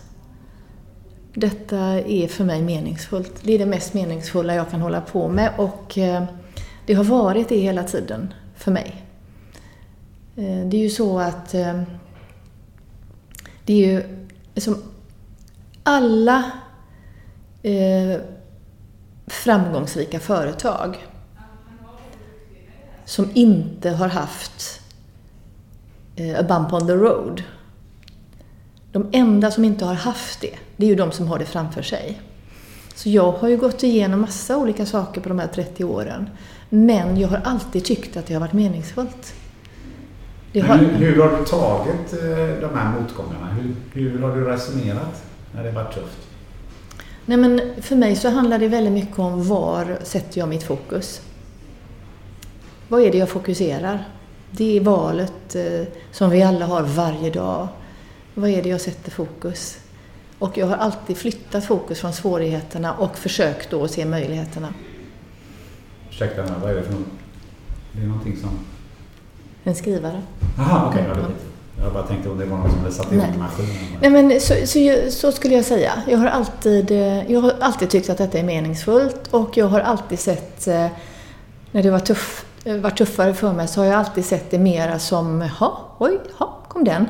Nu kom den lektionen. Vad har jag att lära mig ur detta? För jag har aldrig haft någon motgång som jag inte har hämtat mycket ur. Och, och med det kan man också säga att jag inte haft någon motgång som jag inte har behövt. Det är ju också viktigt. Men vilken motgång har lärt dig mest? Eh, nej men det som jag tror har lärt mig allra mest, det var när jag eh, byggde om Evas palä och sprängde min budget med typ 7 miljoner. Eh, då lärde jag mig att eh, jag arbetade hela tiden. Det var det enda jag gjorde. Jag hade i princip, jag hade kanske en ledig dag i månaden, men jag bara jobbade från morgon till kväll. Men då lärde jag mig en teknik som jag önskar jag kunde streama. Tyvärr går det inte. Men då lärde jag mig att eh, när jag kom hem på kvällen så lärde jag mig att bara stänga av allting så sov jag i tio timmar utan några som helst problem. Och vaknade och var, som kände mig som Fantomen. Och det var, och det kan jag fortfarande göra, det var liksom min stora behållning ur den perioden att vad som än händer runt mig eller vad jag än håller på med, det händer ju saker hela tiden, så kan jag eh, stänga av det och lägga mig och sova i nio timmar eller tio timmar. Är det någonting man kan lära sig eller eh, är det någonting som man har som en gåva i sina gener? För på Jag det tror, tidigare. mm, jag tror att man mer eller mindre har lättare för det. Men jag är helt övertygad om att alla kan lära sig det. Sen kan man ju behöva, en del människor behöver kanske lite extra support då. Men det är jag helt övertygad om. Men hur lär man sig det då? Det alltså, Det här är ju typiskt en sån Mm. grej. Det, här, det måste ju... Ja. Jag är säker på att Mm. ja, 90% av alla människor som jobbar idag i någon Mm. typ av, av yrke där, där man liksom inte, som det är kanske man sitter i kassan på, på, på ICA och så här, men då går man hem och har gjort Mm. det här färdigt. För de Mm. flesta jobben är ju faktiskt inte färdiga. Utan Nej. man har, som jag brukade säga när jag, när jag jobbade som, som konsult eller som marknadschef Mm. i, i större bolag. att om man har 300% arbete och man har 100% tid, det vill säga Mm. att det är alltid massa grejer som har regnat Mm. in. Och det följer ju med någonstans i, i, på kvällen eller på något annat sätt. Vad, hur skulle du vilja klä det här i ord? Alltså, för, mig så har det från början då varit att jag liksom, jag har personifierat eh, de här sakerna som jag har ja, varit orolig för eller funderat. Så, så, så det har liksom mer varit i min tanke att jag har inte tid med dig nu, du får ta det imorgon.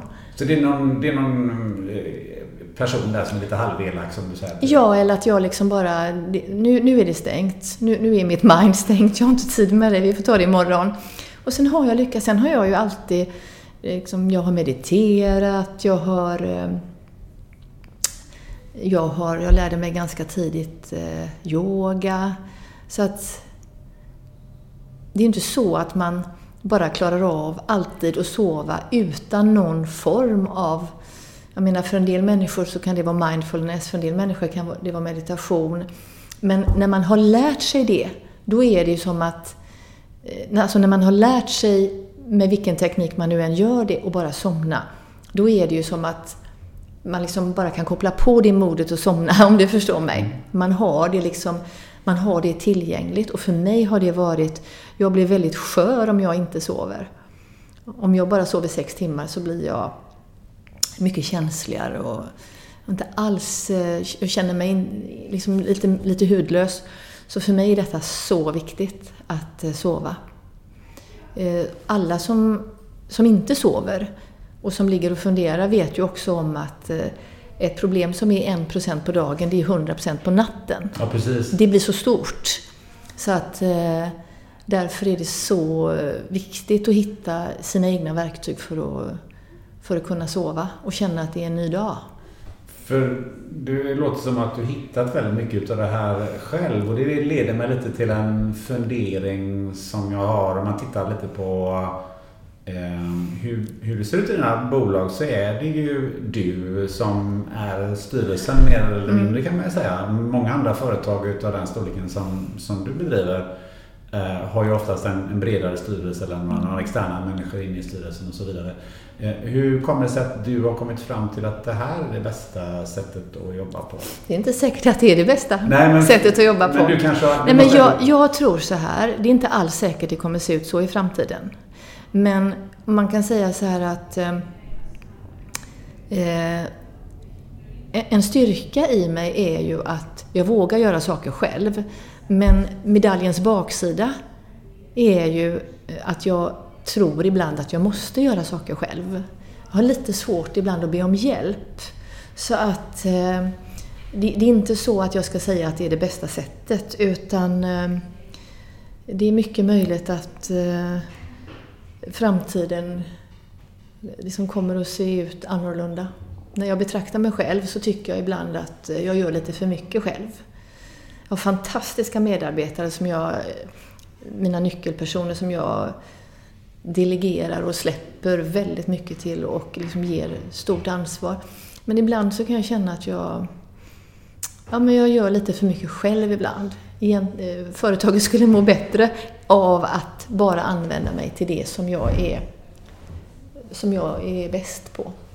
Har du haft inne partners och så vidare ibland? För ibland kan man ju tänka sig att det, det är inte helt lätt heller att ta in partners i, i, i ett företag där man har en väldigt stark idé på hur man vill jobba och Mm. så vidare. Och så kommer det in någon och det kanske inte alltid är den det, bästa det erfarenheten. har jag inte haft. eh, Men eh, det har jag inte haft. Men jag skulle säga att idag är jag inte främmande för det.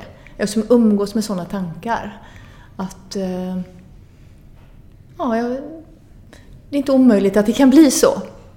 Nej, för jag tänker att eh, i, när man har upp den, den åldern som, som vi har, då kanske man reflekterar lite mer också mm. över saker och ting. Det är kanske det som är... Mm, men det är ju det som, om man säger, det är ju det som eh, det är ju det som är det fantastiska med, med åldrandet. Det enda fantastiska med åldrandet skulle jag säga, det är ju erfarenheten. Reflektionen och erfarenheten. Det är ju det som man får på inget annat sätt.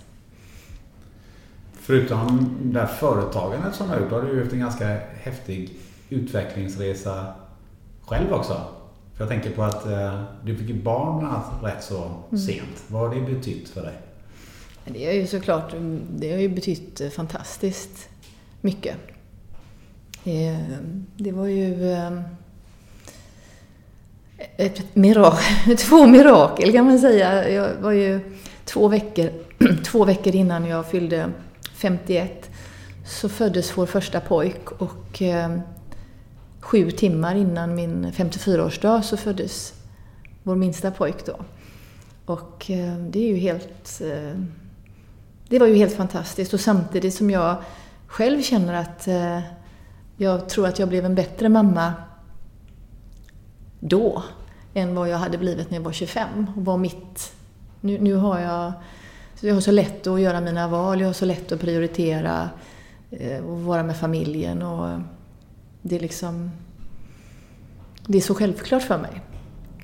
Men eh, det var ju fantastiskt och eh, med facit i hand så förstår jag inte att, eh, att jag vågade bli gravid i, i liksom när jag var 51 och 54. Men jag, jag tog inte reda på några risker eller någonting. Men, ja, men nu går det där igen, mm. som ja, vi har pratat om några gånger. faktiskt. Jag, tog, jag, jag, jag vet att min, eh, mina läkare då på mödravården, de var väldigt oroliga. De, de liksom sa till mig, finns in, vi vet inte, det finns inte någon forskning på eh, att vara gravid i din ålder. Men jag hade två väldigt lätta graviditeter och eh, allting eh, gick jättebra. Så att eh, When you're ready to pop the question, the last thing you want to do is second guess the ring. At BlueNile.com you can design a one-of-a-kind ring with the ease and convenience of shopping online. Choose your diamond and setting. When you find the one, you'll get it delivered right to your door. Go to BlueNile.com and use promo code LISTEN to get $50 off your purchase of $500 or more. That's code LISTEN at Bluenile.com for $50 off your purchase. Bluenile.com code LISTEN. Hi, I'm Daniel, founder of Pretty Litter. Cats and cat owners deserve better than any old fashioned litter. That's why I teamed up with scientists and veterinarians to create Pretty Litter. Its innovative crystal formula has superior odor control and weighs up to 80% less than clay litter. Pretty Litter even monitors health by changing colors to help detect early signs of potential illness. It's the world's smartest kitty litter. Go to prettylitter.com and use code ACAST for 20% off your first order and a free cat toy. Terms and conditions apply. See site for details. Hey, it's Ryan Reynolds, and I'm here with Keith, co star of my upcoming film, If, only in theaters, May 17th. Do you want to tell people the big news? All right, I'll do it. Sign up now and you'll get unlimited for $15 a month in six months of Paramount Plus Essential Plan on us. Mintmobile.com slash switch. Upfront payment of $45 equivalent to $15 per month. Unlimited over 40 gigabytes per month. Face lower speeds. Videos at 480p. Active Mint customers by 531.24 get six months of Paramount Plus Essential Plan. Auto renews after six months. Offer ends May 31st, 2024. Separate Paramount Plus registration required. Terms and conditions apply if rated PG. Ja, men det, det är lite samma där. Jag tog inte reda på någonting, ingen information. Jag vet, jag pratade med en journalist, eh, inte om detta, men, men hon... Eh, vi snickesnackade lite och hon frågade mig efter intervjun, så hon var i min ålder. Och då sa hon, jag, jag förstår inte hur du har vågat detta. Och då kände jag, jaha, ska man vara orolig för det? Och, men sen har jag förstått det efteråt att ja, det var faktiskt så att jag det var, ju risk, det var ju riskfyllt kan man säga. Men jag umgicks inte med de tankarna och hade jag gjort det så eh, hade det ju aldrig fungerat. Då hade jag ju aldrig vågat. Nej, och Så att, då ehm, hade du umgåtts med de tankarna först efteråt så Mm. hade det blivit ganska jobbigt. Ja, man kan säga så här att nu, är det liksom, nu vågar jag ju umgås med de tankarna för att nu eh, ska jag ju inte bli gravid igen. så att eh, nu vågar jag ju se att, eh, att eh, det var... Ja, det kunde varit förenat med risker. Men det var inte där jag hade mitt fokus, så kan jag säga. Men jag har ju faktiskt tagit reda på någonting, nämligen så här att i Sverige så var det endast 22 personer 2010 Mm. Som eh, fick barn när de var över 49. Mm. Så att du måste ju ligga i, på rekordnivå Mm. här. Och hur många var det som var 54 då, 2013? Nej, det var... så, så långt har jag inte googlat. Nej, precis. Men, men eh, ja, jag googlade något på något världsrekord. Det var väl en bit därifrån. Men eh, det må så vara. En annan sak som jag har funderat på lite grann. När man har så här många kaféer och eh, man bygger den här typen av verksamhet som, som du har gjort. Um, hur, hur kan du behålla fokusen då i eh, det du gör varje dag? För det måste krävs rätt mycket fokus från, från dig. Ja, det är ju ständig, ska säga, det är en ständig utmaning. Men det börjar ju någonstans med att, eh, att vara medveten om att jag har det valet. Och liksom bestämma vad, vad ska jag hålla fokus på idag. Och eh, det... Det är ju inte alltid så lätt för ibland är man ju som en eh, radiokanal som bara brusar. Så där får man eh, liksom göra medvetna val. Jag vet ju... Ehm, det är något som jag tycker är viktigt också. I, sin, I sina relationer och om man nu som jag är gift och i sitt äktenskap. Vad är det jag väljer att fokusera med min man till exempel?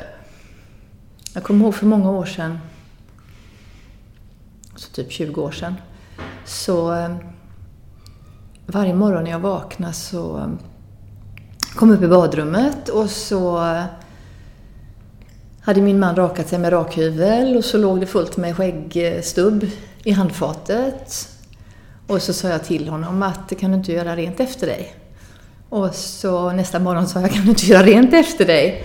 Och så tänkte jag så här en dag att nej, jag får programmera om mig. Jag tänker så här, varje gång jag ser den där skäggstubben i handfatet så tänker jag så här. Ska jag tänka så här, det påminner mig om att jag har en man som jag är jättekär i. Och eh, jag gör rent själv istället. Det tar typ 20 sekunder. Och så gjorde jag det. Och sen så var det problemet borta. Och så skulle jag säga, och så är det ju väldigt mycket i en relation. Vad är det jag väljer att fokusera? Man kan ju välja att fokusera på precis vad man vill. Och håller man den, har man den kompassen med sig, att man fokuserar på det som är bra, så blir det ju en annan relation. Och det gäller ju allting man gör. Det gäller sitt, eh, framför allt gäller ju också sitt företag, det gäller sina medarbetare. Fokusera på de som du har runt dig, det som de är bra på. Eh, det tycker jag är det viktigaste ehm, när det gäller att hålla fokus på sitt företag. Fokusera på det som är bra. Nu till exempel när det är en tid, det är väldigt många som pratar om att nu är det lågkonjunktur och, och det skrivs eh, och eh, upphöjs också väldigt mycket i media. Såklart. Det börjar bli mer tomma lokaler och så vidare. Det är så himla viktigt att inte gå in i det tänket. Eh, på tal om att hålla fokus. Att man har det valet. Vad väljer jag att fokusera på med mitt företag? Hur tänker jag? Hur kan jag, hur kan jag flytta mitt fokus? Hur kan jag tänka annorlunda? Hur kan jag agera annorlunda? Hur kan jag inspirera annorlunda? Det, det valet har vi varje dag. Jag vet inte om du har hört den här, det är någon eh, historia som jag hörde för många år sedan. Om, eh, om någon familj eh, långt ut på landet som hade någon verksamhet. som gick jättebra. Och så kom sonen från storstan och hälsa på. Nu är det lågkonjunktur, oj oj oj, nu blir det dåliga tider och då sa pappan, ja kanske bäst vi tar ner skylten här då. Alltså det är så lätt att gå in i det. Det är som en... När det kommer en lågkonjunktur, skulle jag säga, det är som att det kommer en stor eh, mental tsunami. Men om du ska ta den rätt i ansiktet eller ska du vända dig om och rida på den vågen, det valet har du. Det finns alltid, det finns alltid någonting som man kan göra på ett annat sätt. Det är ungefär som eh, det här uttrycket att i all skit finns det en diamant. Men det gäller, nummer ett är att leta efter den, nummer, och verkligen tro på att den finns. Och det är för mig, liksom, allt det här är för mig, det handlar om var man sätter fokus. Och det är så, det, är så, det som är så skönt med, med det också, det är att man sitter i driver seat. Du sitter aldrig i backseat när du eh, äger, när du, när du är medveten om att du äger ditt fokus. Då sitter du alltid vid ratten.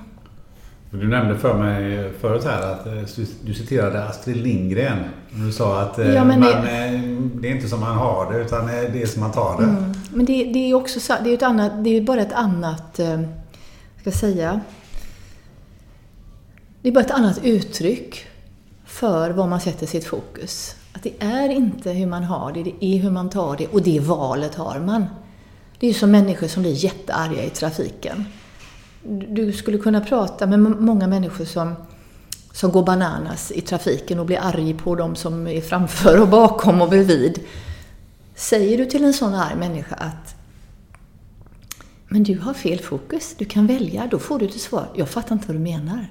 För att det finns en, då en omedvetenhet om att jag äger faktiskt det. Jag väljer att bli så arg. Det är något jag skulle kunna liksom backa bandet, titta på mig själv och kontrollera. Nu, jag menar inte att det går på en mikrosekund, men varje typ av förändring i ens liv börjar ju någonstans med insikten om behovet av en förändring. Behovet av att se det på ett annat sätt. Jag tycker det är intressant som du säger att eh, man väljer inte att sitta i, i baksätet. Man kan faktiskt köra mm. själv om man är medveten om Där tror jag nog att det känns som att väldigt många känner att de sitter i baksätet. Mm. Det kan inte jag hjälpa. Nej. Eh, jag kan inte göra mm. någonting åt det. Mm. Och sådär. Ehm, har du några sådana där tips eller knep eller eh, redskap som du själv har använt för att just känna att ja, men jag sätter mig alltid i förarsätet och kör? Är det någonting du har utvecklat? Lika väl det här med dina tio timmars sömn? Nej, jag kan inte säga det. Men vad jag kan säga är att eh, i, i varje, så att säga, ja, om man ska kalla det för bump on the road, eller i, i varje situation man går igenom som är en tuffare situation då, så är det ju väldigt lätt som människa att man blir förlamad. Att man liksom, man inväntar förändring.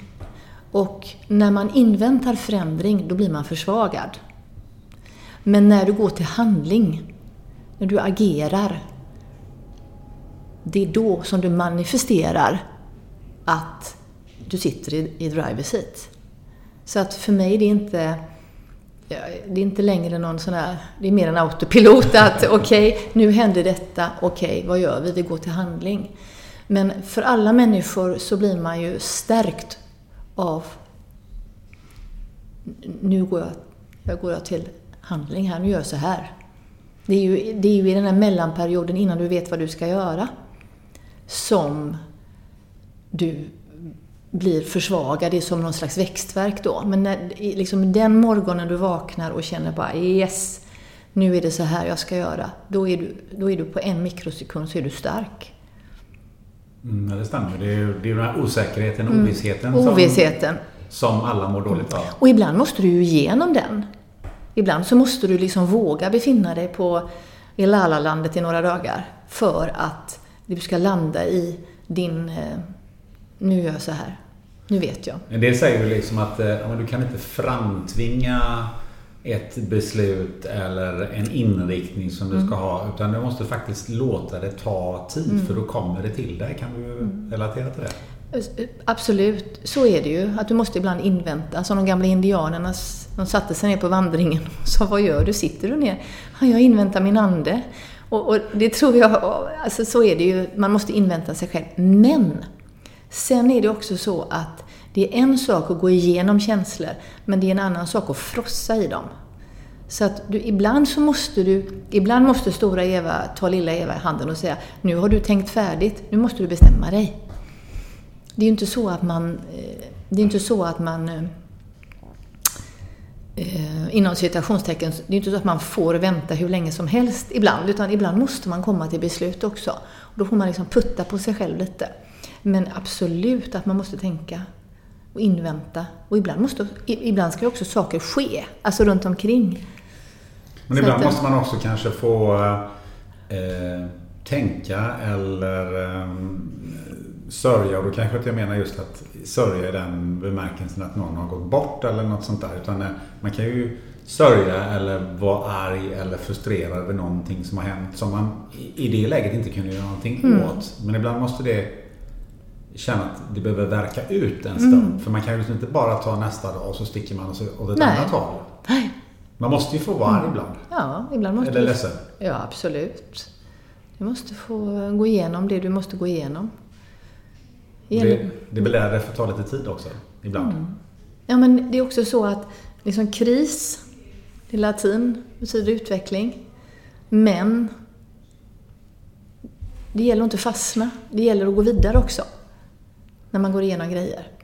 Hur mycket av det här eh, försöker du eh, föra över till de som jobbar hos dig? För jag kan tänka mig att du har ju med jättemånga olika typer av människor att göra. Vi var inne på det här med service förut. Vi ska, vi ska, avrunda med service sen. Men just det här som du säger. Hur mycket missionerar du om dig själv? Nej, Men jag, alltså för det första så är det ju eh, eh, när man har personal, man har ett företag, så är det ju viktigt att, eh, vad säger man? Talk the talk and walk the walk. Det är viktigt att vara förebilden. Och eh, så här är jag ju. Och eh, även om jag inte eh, liksom, träffar alla som jobbar hos mig för personliga samtal så är det ju ändå så att eh, det här är ju eh, någonting som jag... Min önskan är ju att det ska genomsyra verksamheten. Och det är därför jag också har serviceutbildningen själv. För att jag vill att man har träffat mig och jag vill att man hör när jag säger de här sakerna. Eh, och, att man då... Eh, alltså kunskap har ju... i- I min värld så har kunskap inget värde utan förståelse. Kunskap plus förståelse är lika med visdom. När man liksom förstår, när polletten trillar ner. Och eh, väldigt mycket av det som jag har sagt behöver man ju då kanske höra mig säga. Inte bara läsa om i en app eh, för företaget utan att... eh, Och då är det ett gyllene tillfälle när jag är ute och har serviceutbildningar. Att Jag kan de- tänka mig också att eh, det här är ju jätteintressanta och viktiga saker att man kan förmedla till eh, många av de unga människorna som, som ju eh, eh, jobbar i den här branschen och säkert eh, hos dig. För många är det väl det första eller kanske det andra jobbet som, som man har. Och um, lite där tillbaka till det här med fokus. För det är ju extremt svårt att hålla fokus idag. Särskilt yngre människor som är, när man har, tar in mer influenser kanske än vad vi gamlingar gör så att säga. Och, och, och blir ännu mer förvirrad. Och, och du pratade just om det här. Men jag, jag är 22-23 år och jag, kan inte, jag har ingen aning vad jag ska göra för någonting. Den här fokustanken borde väl vara väldigt eh, både uppskattad och eh, bildande för, för de här människorna som du, som du anställer. Så jag, jag tror att... Eh, jag tror att de hämtar mycket eh, erfarenhet av att arbeta med detta i några år, eller i ett år, eller hur länge man väljer att stanna innan man går vidare då. Eh, bara, bara det här att eh, jag har ju en... Min så att säga, vision det är ju att jag vill ju att du som gäst ska känna, även om det bara är i en minut, om du möter mig i kassan så vill jag ju att du ska känna att nu är det bara du och jag i hela världen, just nu, nu. Och det är också den stora utmaningen och förmedla det och få med sig alla på och förstå det. För att förstår man det, hur viktigt det är för dig, för gästen, att det kan göra någons dag. Att man, då, då, liksom, då tillför vi något mer än att driva café. Det vill jag att vi ska göra då. Vi har eh, ungefär en miljon besökare totalt per år. Och för mig så är det en viktig del. Jag vill ju att gästen ska känna att... Eh, jag vill, min, min önskan är ju att gästen ska känna redan, om den står i kö, liksom att nu är jag här. Det luktar gott och det är skön musik och det är glad personal. Och, men det, det är det som är utmaningen när man har mer än ett café. Det är ju att liksom få med alla på tåget och skapa detta varje dag. Med det sagt så kan man väl också ibland känna att det här med serviceyrket och, och, och allt det man då kan lära sig inom det här området. Mm. inte lite underskattat i Sverige? Alltså man säger att ja, men jag, jag kan ändå inte göra det här jobbet så jag får ju ta något serviceyrke. Ja. Det där har man ju hört mm. någon gång sägas. Mm. Det, det, precis så är det. Att kan man inget kan man jobba med service. Och i, och i min värld så är det... Eh, jag fick väldigt mycket kritik eh, för en tio år sedan. Vi hade avbrutit, avbrutit ett antal provanställningar. Eh,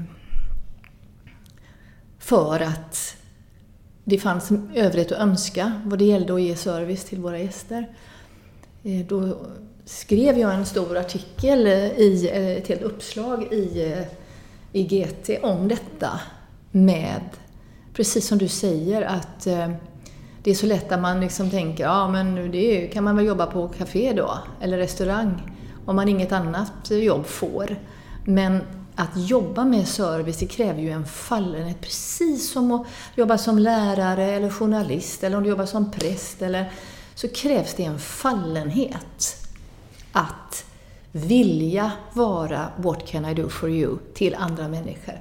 Och uppleva det som, inte ett måste, eh, utan att man faktiskt i min värld så är ju service, det är att tjäna andra människor. Men det man kan göra, det, det som du kan göra när du står i kassan en dag och så har du mött 200 människor, det är att du har möjligheten att göra någons dag 200 gånger bara för att du är där. Och att du vill det. Att du tycker om det. Att när någon säger ”Kan du värma min barnmat?” att man inte säger ”Ja, det kan jag göra” utan att man istället ”Självklart!” Och det vill jag ju att gästen ska känna hos oss. Att vi, vi, vi tycker det är häftigt att ge service. Vi tycker det är häftigt att make someone's day på 40 sekunder. Även om det är en förbiresande som aldrig kommer tillbaka. Det handlar inte om det, det handlar om gästen. Och där vill jag ju någonstans att mina kaféer är frizoner. Där alla åldersgrupper, alla socialgrupper, alla folkslag är välkomna. Så länge som man sköter sig när man är inne, på, inne hos oss. Eh, och det tror jag är därför också vi har en väldigt bred publik. När du öppnade café där i eh, Jönköping så såg jag i någon tidningsartikel att eh, det var 600 mm. sökande. Ja, var som Idol typ. Var nästan som Idol. Vi hade någon sån två mm. minuters speed-intervju. Mm. Hur, hur kan du se om en person är rätt för det här serviceyrket eller om den här personen kommer att få det lite svårt. Eller den här personen har det svårt i början men kommer att få utvecklas till en mm. jättebra person mm. inom service. Hur, jag kan hur... bara känna det. Jag kan inte se det, men jag kan känna det. Ja, hur känner du det? Nej, men eh, det är, det är som när du träffar vilken människa som helst. Det är en magkänsla? Det är, som du, det är som om du hänger på Tinder och så har du en dejt. Så vet ju du om du vill ha en dejt till. du bara vet det. Eh, så jag skulle säga att man ofta känner det. Det är det här första handslaget, mm. magkänslan. Mm. Man pratar om mm. de här 15 till 20 Ja, men ibland så gör ju vi fel. Och vi, vi, vi, vi gör felrekryteringar. Och då, eh, det är inte att det är fel på de personerna, men alla ska inte jobba med service. Eh, alla är inte ämnade för det. Alla människor är inte tekniska. Alla kan inte jobba som på bilverkstad eller som ingenjör eller vad du vill. Så vi vi letar ju hela tiden efter gulliga människor som älskar att ge service. Som tycker att det är en förmån att få göra det. Hela tiden, om och om, om igen. Det ska ju vara naturligt och som gäst då känner du ju om det är naturligt. Vi har ju ingen sån här eh, Evas lilla röda där man säger så här, ja nu ska det le och så ska du säga si och så ska du säga så. För jag säger bara till alla, jag vill att ni är gulliga på ert eget personliga sätt. För att det ska vara på riktigt och att gästen ska känna att det här är inte bara eh, ha en bra dag, utan att man faktiskt menar det man säger. Hur blir vi eh, bättre på detta i, i allmänhet? Hur höjer vi servicenivån i, eh, på dina kaféer och andra kaféer och överhuvudtaget i, i butik? Det blir, mm. Man möter ju människor i alla möjliga sammanhang eh, där man behöver service och det är ju synnerligen eh, varierande och kanske också den här synen finns kvar. Att, Men jag, jag skulle säga att eh, man, man, måste ta in service i finrummet. Man måste förstå att liksom, service är det skapar ett annat klimat i samhället när man förstår, in, förstår innebörden av service. Det ser jag ju idag till exempel på, om vi ser som kommunen, jag har en del kontakt med till exempel Trafikkontoret i Göteborg. När vi ska ha tillstånd för uteserveringar och så. Eh, helt fantastisk service. Hjälpsamhet. Alltså, så otroligt eh, tjänande och hjälpsam så man bara känner vad kul det är att vara företagare här i Göteborg med med en sån eh, liksom, ledning. För så känns det ju när man, med dem, de som man själv har kontakt med inom kommunen, när de är väldigt hjälpsamma, då blir det ju någonstans att eh, kommunen är väldigt hjälpsam. Eh, det ser jag ju har blivit väldigt annorlunda liksom överlag om man tittar 20 år bakåt. Det, det, det börjar liksom sprida sig även kommunalt. Man, man lyfter helt enkelt upp detta. Så att man måste liksom göra... Man måste förstå det med service och vad faktiskt det skapar med den här... Det är ju en hjälpsamhet som man då eh, har naturligt i sig när man är, när man är om man säger bra på e-service, då har man det i sig. Och det är bara de som har det i sig, eller som har det att plocka fram, som ska jobba med service. Det, det, det är som du tänker, eh, ja men eh, friidrott liksom, det är ju ingen idé att springa 100 meter friidrott och, och sikta på OS om man är jättelångsam och eh, inte klarar av att springa. Eh, det är, liksom, det är precis samma med service. Det krävs en fallenhet. Det krävs en innerlig önskan att vilja jobba med service. Att vilja make someone's day hela tiden. Att inte känna att oj då, ska man behöva le här också? Och ska man behöva offra sig? Utan man måste vilja det då. Att ta in service i finrummet, det tycker jag var ett jättebra uttryck. Och det tycker jag är en bra avrundning på det som vi har pratat om här. Mm. nu har vi suttit här i eh, snart eh, två timmar och, och snackat. du sa vid något tillfälle till mig att ja, men ska jag vara med i en podd? Jag har kanske inte så mycket att berätta. Nej, jag tycker det... att jag har berättat på ett alldeles fantastiskt sätt. Ja, men det är ju så att allt som det som jag har berättat nu det tyck, som jag själv känner då, så är det ju... Eh, det var som min, eh, min far sa till mig för typ tio år sedan. Han sa, du glömmer väl aldrig att du är Eva-Charlotta från Mellangårdsvägen? Och, och någonstans är det ju så att allt man har att berätta om sitt liv, så är det ju... Ja, men det är ju bara... Det är ju bara jag och mina grejer här. tycker man ju inte själv är något märkvärdigt, mm. om man säger så. Så nu har jag mer suttit och väninnepratat med dig och försökt att glömma att det spelas in. jag tycker du har gjort ett väldigt bra väninneprat. Jag tror att lyssnarna kommer att tycka att det är fantastiskt bra. Som sagt var, nu har vi ju suttit här och pratat en bra stund och jag har fått intervjua dig. Men nu tänkte jag att du skulle få välja vem jag borde intervjua. Det är en här vanlig fråga som jag ställer. Jag tror att du har någon på gång där. Eh, ja, men då ska jag säga att jag har en väninna som är en av de roligaste och intressantaste personerna som jag känner. Eh, och det tycker min man också, ska jag säga. Eh, han heter Sharam Rahi och är vice VD på Balder. Mm. Och varför är han så intressant? Nej, men han är, han är rolig och han är smart och framförallt så har han så mycket humor och ser det roliga i, i saker och ting. Han hade ju även ett eget TV-program för många år sedan. Mm. Som hette, vad hette det? Mustafa Show tror jag, på SVT. Okej, okay. ja. det här låter ju väldigt spännande. Men han är liksom, ja... Vi älskar varandra och eh, är väninnor. Ja, mm. vad härligt. Väninnor. Ehm, du, ehm, om man vill nu eh, skulle vilja ta på dig, ställa en fråga eller följa dig eller ja, kanske till och med är grymt sugen att jobba för dig. Hur bär man sig åt då? Mm, det är svårt. Nej, men på, på vår hemsida har vi en jobbsökarfunktion. Mm. Eh, det har vi. Är det Condecos eh, hemsida? Mm. Mm. Då har vi en jobbsökarfunktion. Och, eh, I sociala medier har jag ju flugit under radarn i hela mitt liv. Eh, den största explosionen inom sociala medier, eller expansionen, har ju skett de sista tio åren. Eh, och... Eh, jag såg ett LinkedIn-konto som jag var inne och tittade på. Mm. Det var ju inte jättemånga kontakter där. Nej, men det är nog inte mitt heller för att jag har aldrig lagt upp något där. men vad jag skulle säga är att eh, ja, de senaste tio åren då när, när den här stora massiva expansionen har sett, då, då, då, fick jag barn för tio år sedan och då har jag liksom velat flyga under radarn.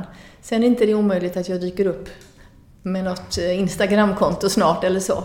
Man vet aldrig. Men det blir, nej, men det blir nog mera fokus i så fall på mina produkter och min, eh, min mat och mina bakverk och, och så. Ja, ja, trevligt. Men eh, Condeco kan man i alla fall gå in på och eh, om man funderar på att eh, få jobba för dig. Då det. kan man gå in där och eh, vill, man, eh, vill man nå mig så kan man ju alltid hitta någon mailadress mm. på vår hemsida. Till någon som kan nå mig. Eva Olsson, ett jättestort tack för att du ville gästa podden. Jag är så glad att du gjorde det. Tack så hemskt mycket. Mötet med Eva Olsson gav mig väldigt mycket. Hoppas du tycker detsamma. De två närmaste avsnitten så kommer du att få stifta bekantskap med några riktigt stora sportprofiler. Nästa torsdag gästas podden av Yannick Tregaro, mannen bakom Christian Olsson och Kajsa Bergqvists framgångar men som också har väldigt mycket mer att berätta. Veckan därefter kommer Roger Rönnberg, tränare i Frölunda Indiens och vi kommer snacka om mycket, mycket mer än bara hockey. Missa inte det! Till dess, sätt lite glögg så den lagom klar till jul. Ha det gött!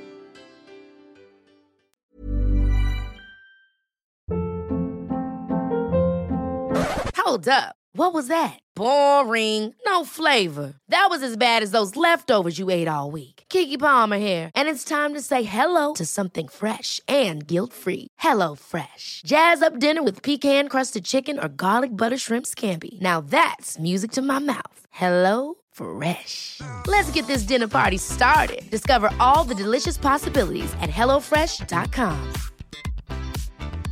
Even when we're on a budget, we still deserve nice things. Quince is a place to scoop up stunning high-end goods for 50 to 80% less than similar brands. They have buttery soft cashmere sweaters starting at $50, luxurious Italian leather bags, and so much more. Plus, Quince only works with factories that use safe, ethical, and responsible manufacturing. Get the high-end goods you'll love without the high price tag with Quince. Go to quince.com/style for free shipping and 365-day returns.